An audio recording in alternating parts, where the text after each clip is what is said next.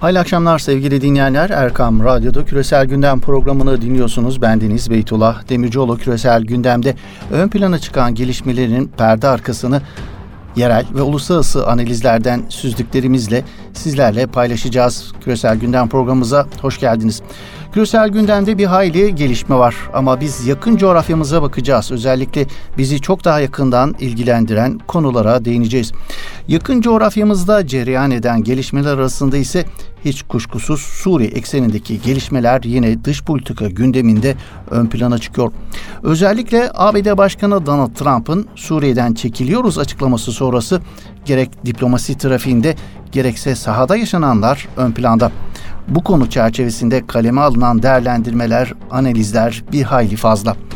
ABD'nin Suriye'den çekilmesi kararının taktisel olup olmadığı, bu anlamda Washington yönetiminin yaşadığı zorluklar, çekilme kararının ardından sürecin nasıl koordine edileceği, Trump'ın 2000'den çekilmenin şartlarına ilişkin Türkiye'nin tepkisine neden olan dillendirilenler, Trump bir şey söylerken 2000'den farklı şeylerin sadır olması, İdlib'le son dönemde yaşananlar Suriye eksenli gelişmelerin en çok dikkat çeken başlıkları arasında yer alıyor.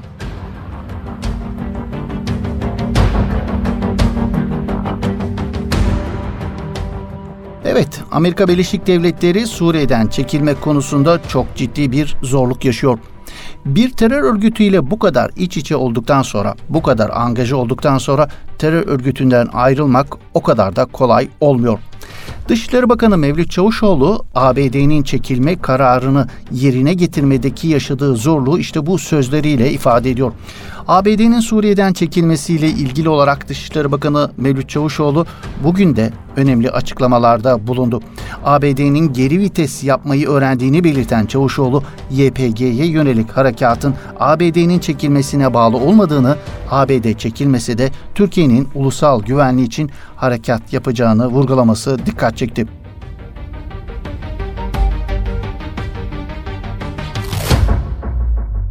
Amerika Birleşik Devletleri Suriye'den çekilme konusunda ifade ettiğimiz gibi bir hayli zorlanıyor. Bu çok net bir biçimde görülüyor sevgili dinleyenler.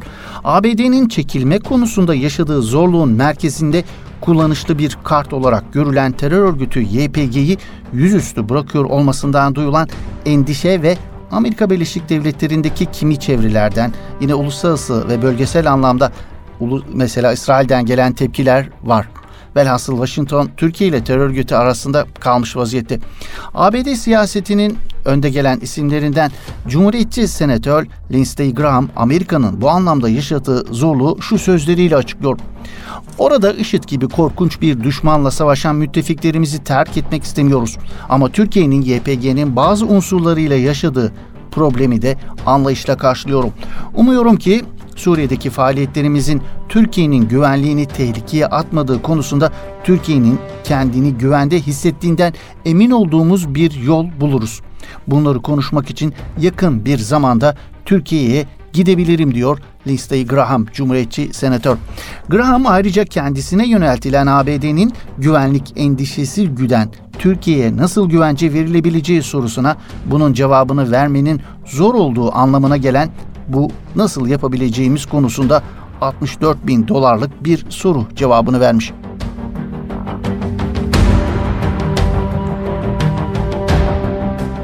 Bu arada ABD Ulusal Güvenlik Danışmanı John Bolton'un önceki gün yaptığı ve Cumhurbaşkanı Recep Tayyip Erdoğan'la görüşme tartışmalarının damga vurduğu ziyaretin ayrıntılarını ABD medyası sızdırdı.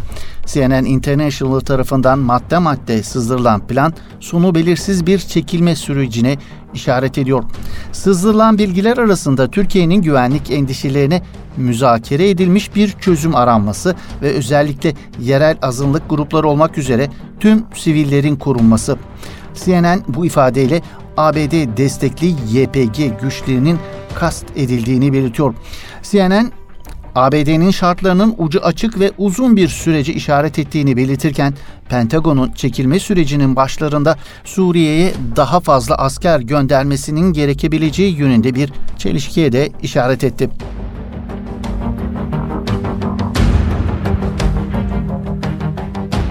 İngiliz Times gazetesi ise Orta Doğu'nun en tuhaf dostluğu diye tanımladığı ABD ile YPG arasındaki ilişki ilişkin farklı bir değerlendirmede bulunuyor. PKK ile YPG arasında gerçekte hiçbir fark olmadığını söyleyen Cumhurbaşkanı Recep Tayyip Erdoğan'ın da haklı olduğunu vurgulayan Times'ın internet sitesindeki analiz gazetenin Orta Doğu muhabiri Richard Spencer'ın imzasını taşıyor. Analizin başlığı Kürt savaşçıların kaderi NATO müttefiklerini bölüyor şeklinde. Richard Spencer'ın analizinde bazı satırlar şöyle. Bir yanda dünyanın önde gelen kapitalist gücü olan NATO'nun ve Batı ittifakının lideri ABD var. Diğer yanda ise ideolojisi, modası geçmiş Marksist bir inanç arasında gidip gelen grup YPG var. BBC Türkçe'nin aktardığı analizde Times muhabiri tam da bu noktada PKK ile YPG arasında fark olmadığını ve ABD'nin esasında kendisinin terörist olarak nitelendirdiği bir örgüte yardım ettiğini söyleyen Cumhurbaşkanı Recep Tayyip Erdoğan'ın haklı olduğunu da belirtiyor. Gazetenin internet sitesindeki analiz şöyle noktalanıyor.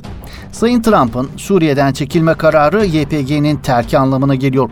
Bu nedenle YPG liderleri kendilerini bir Türk saldırısından koruyacak bir anlaşma için aniden Şam'a gittiler.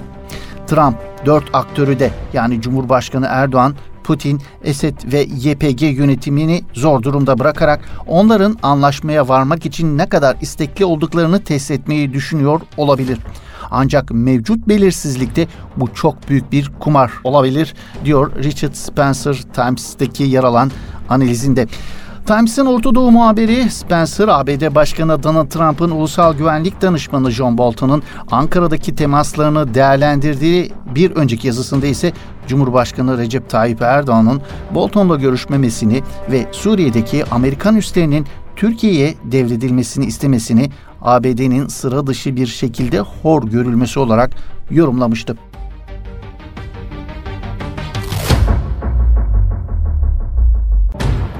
Amerika'nın çekilme konusunda yaşadığı zorluk Alman ZDF kanalında zor çıkış başlığıyla yayınlanan bir analizde dile getirildi. Analizde görüşlerine başvurulan güvenlik uzmanı Abdullah Ağar, ABD'nin bölgeden tamamen geri çekileceğine inanmadığını söylüyor. Ağar, Cumhurbaşkanı Recep Tayyip Erdoğan, ABD ile anlaşmaya açık ancak bu ABD'nin Kürtler ile PKK-YPG arasında açık bir ayrım yapmasıyla mümkün. Batı, terör örgütü PKK-YPG ile çalışmakta ısrar etmeye devam ederse aradaki açı ayrılık gelecekte daha da genişleyecektir ifadelerini kullanmış. Savaşlarda belirli kurallar olduğuna da işaret eden Abdullah Ağar, Amerikalılar bu bölgede uzun süredir aktif ve kimse onları takip etmediği ve kovalamadığı sürece de tamamen çıkmayacaklardır görüşlerini dile getirmiş.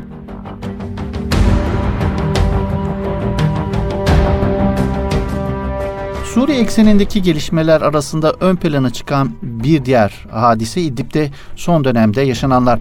Suriye'de muhalif güçlerin elinde kalan bölge olan İdlib ve çevresinde önemli gelişmeler yaşanıyor. El-Kaide'nin Suriye kolu Nusra cephesinin devamı niteliğindeki Heyeti Tahriri Şam örgütü bölgede toprak kazanmaya başladı. Kısa adıyla HTŞ olarak adlandırılan örgüt geçen hafta başlattığı saldırılarla İdlib'de etkin olarak kontrolü sağlamaya çok yaklaştığı belirtiliyor. Suriyeli muhaliflere göre HTŞ'nin bu son saldırısının arkasında Esed rejimi var. Muhalifler rejimin örgüte yol verdiğini öne sürüyorlar. HTŞ'nin kısa bir zaman içerisinde plazlanıp DAEŞ gibi değişik milletlerden oluşan bir terör örgütüne dönüşmesinin çok manidar olduğunu vurguluyorlar Özgür Suriye ordusu yetkilileri. İdlib'deki bu gelişmelerin Türkiye'nin Fırat'ın doğusuna yönelik harekatı gündemini almasından sonra yaşanmasına dikkat çeken Özgür Suriye ordusu kaynakları amaç Türkiye'nin gözünü Fırat'ın doğusu yerine yeniden İdlib'e yönlendirmeye çalışıldığını ileri sürüyorlar. Bu arada sahadan gelen son haberlere göre ise Özgür Suriye ordusu çatısı altındaki Ulusal Özgürleştirme Cephesi ile Heyeti Tahrir Şam arasında bir anlaşmaya varıldığı belirtiliyor.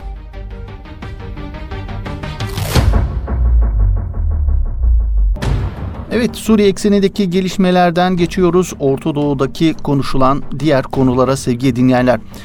Sevgili dinleyenler Arap dünyasında Türkiye karşıtlığını kendilerine misyon haline getiren bir çevre hep vardı.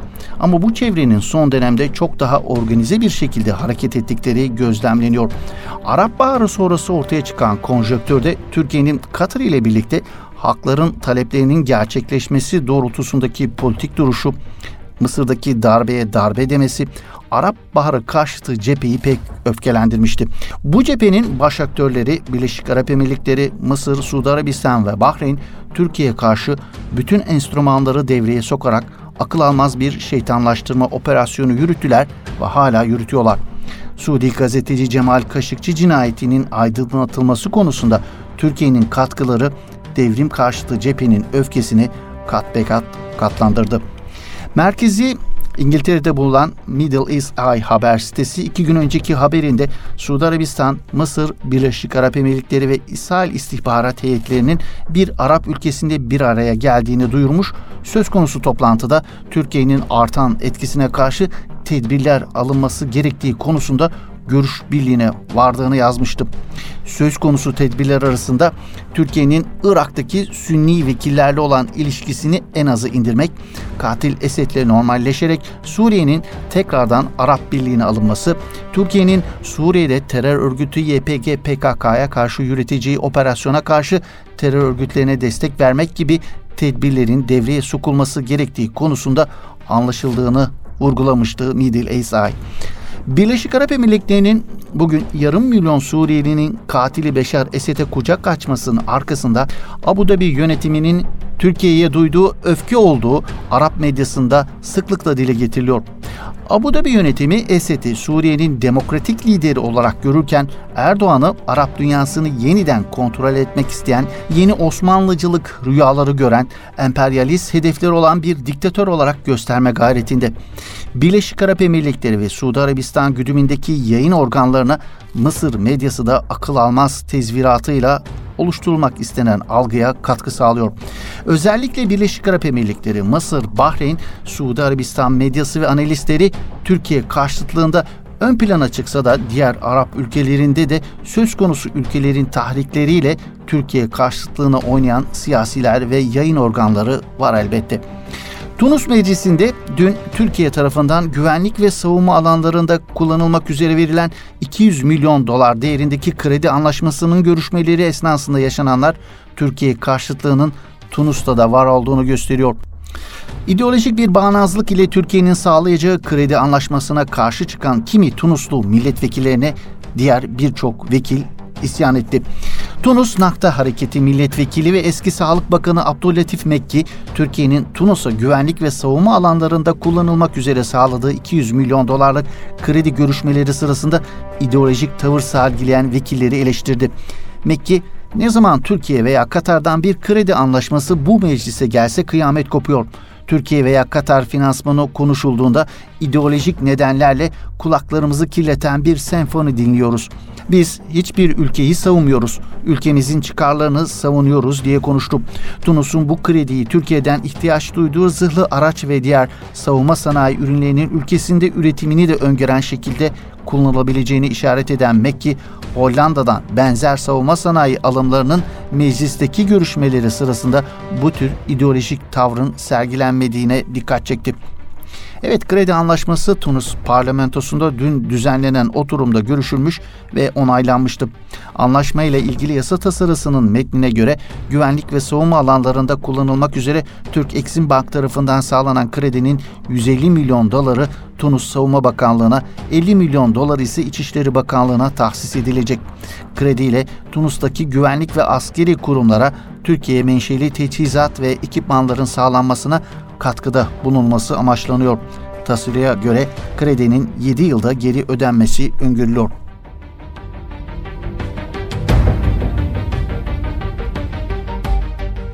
Evet küresel gündemde ön plana çıkan gelişmelerin perde arkasına ışık tutmaya çalıştığımız programımızın böylelikle sonuna gelmiş bulunuyoruz sevgili dinleyenler. Yeni bir küresel gündemde buluşmak ümidiyle hoşçakalın. İyi akşamlar efendim.